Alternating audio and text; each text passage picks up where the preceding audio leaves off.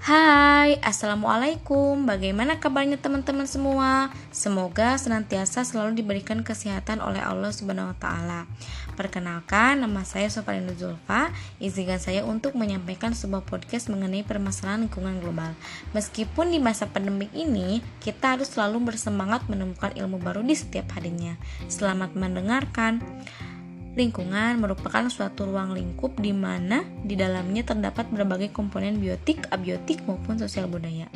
Ketika hubungan antar komponen selalu tidak seimbang, maka akan timbul masalah lingkungan. Masalah lingkungannya sebenarnya bisa saja muncul sejak zaman dahulu, akan tetapi biasanya terlihat ketika sudah dalam jangka waktu yang lama. Masalah yang muncul sekarang ini biasanya dilibat diakibatkan karena perkembangan teknologi yang sangat pesat.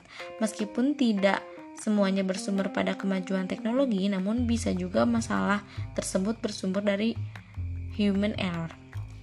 Dampak dari permasalahan lingkungan memiliki cukup cukupan yang berbeda-beda meliputi masalah lingkungan global, masalah lingkungan nasional, masalah lingkungan lokal, tapi sekarang mari kita bahas mengenai masalah lingkungan global. Nah, teman-teman, sudah tahu sebelum sebenarnya sebe Nah, teman-teman sudah tahu belum sebenarnya masalah lingkungan ini sudah ramai dibicarakan sejak diselenggarakannya konferensi PBB tentang lingkungan hidup di Stockholm, Swedia pada tanggal 15 Juni 1972. Di Indonesia sendiri, tonggak sejarah masalah lingkungan hidup dimulai sejak diselenggarakannya seminar pengelolaan lingkungan hidup dan perkembangan nasional oleh Universitas Pajajaran Bandung pada tanggal 15 sampai 18 Mei 1972. Banyak sekali permasalahan di lingkungan global ini, mari kita bahas satu persatu.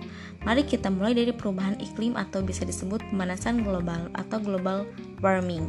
Nah, global warming ini merupakan fenomena peningkatan temperatur global dari tahun ke tahun karena terjadinya efek rumah kaca yang disebabkan oleh lingkungan emisi gas karbon dioksida, metana, diintroksida dan CFC sehingga energi matahari tertangkap dalam atmosfer bumi. Perubahan atau kenaikan suhu yang cepat akan menyelenggarakan terjadinya perubahan iklim yang cepat. Hal ini dapat mengakibatkan tanggung jawab, tanggung jawab hutan dan ekosistem lainnya, sehingga mengurangi kemampuan untuk menyerap karbon dioksida CO2 di atmosfer.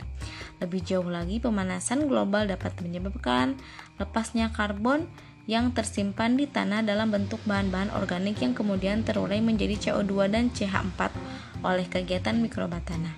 Iklim yang bertambah panas akan meningkat aktivitas mikroba dan pada akhirnya akan meningkatkan ke pemanasan global. Pemanasan global menyebabkan mencairnya gunung-gunung es di daerah kutub yang dapat menimbulkan naiknya permukaan air laut yang dapat mengancam permukiman pinggir pantai, erosi di wilayah pesisir, kerusakan hutan, kerusakan hutan, bakau, dan terumbu karang, perubahan lokasi sedimentasi, berkurangnya intensitas cahaya di luar dasar laut serta tingginya global.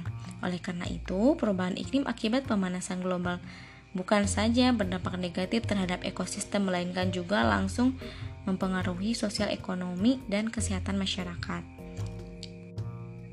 Permasalahan lingkungan global ini sangat serius dan berdampak negatif pada kehidupan yang ada di bumi ini. Jika kita tidak memperlakukan lingkungan dengan baik, dan jika kita tidak memperlakukan lingkungan dengan baik, maka tidak heran pasti akan mendapatkan hasil yang tidak baik pula.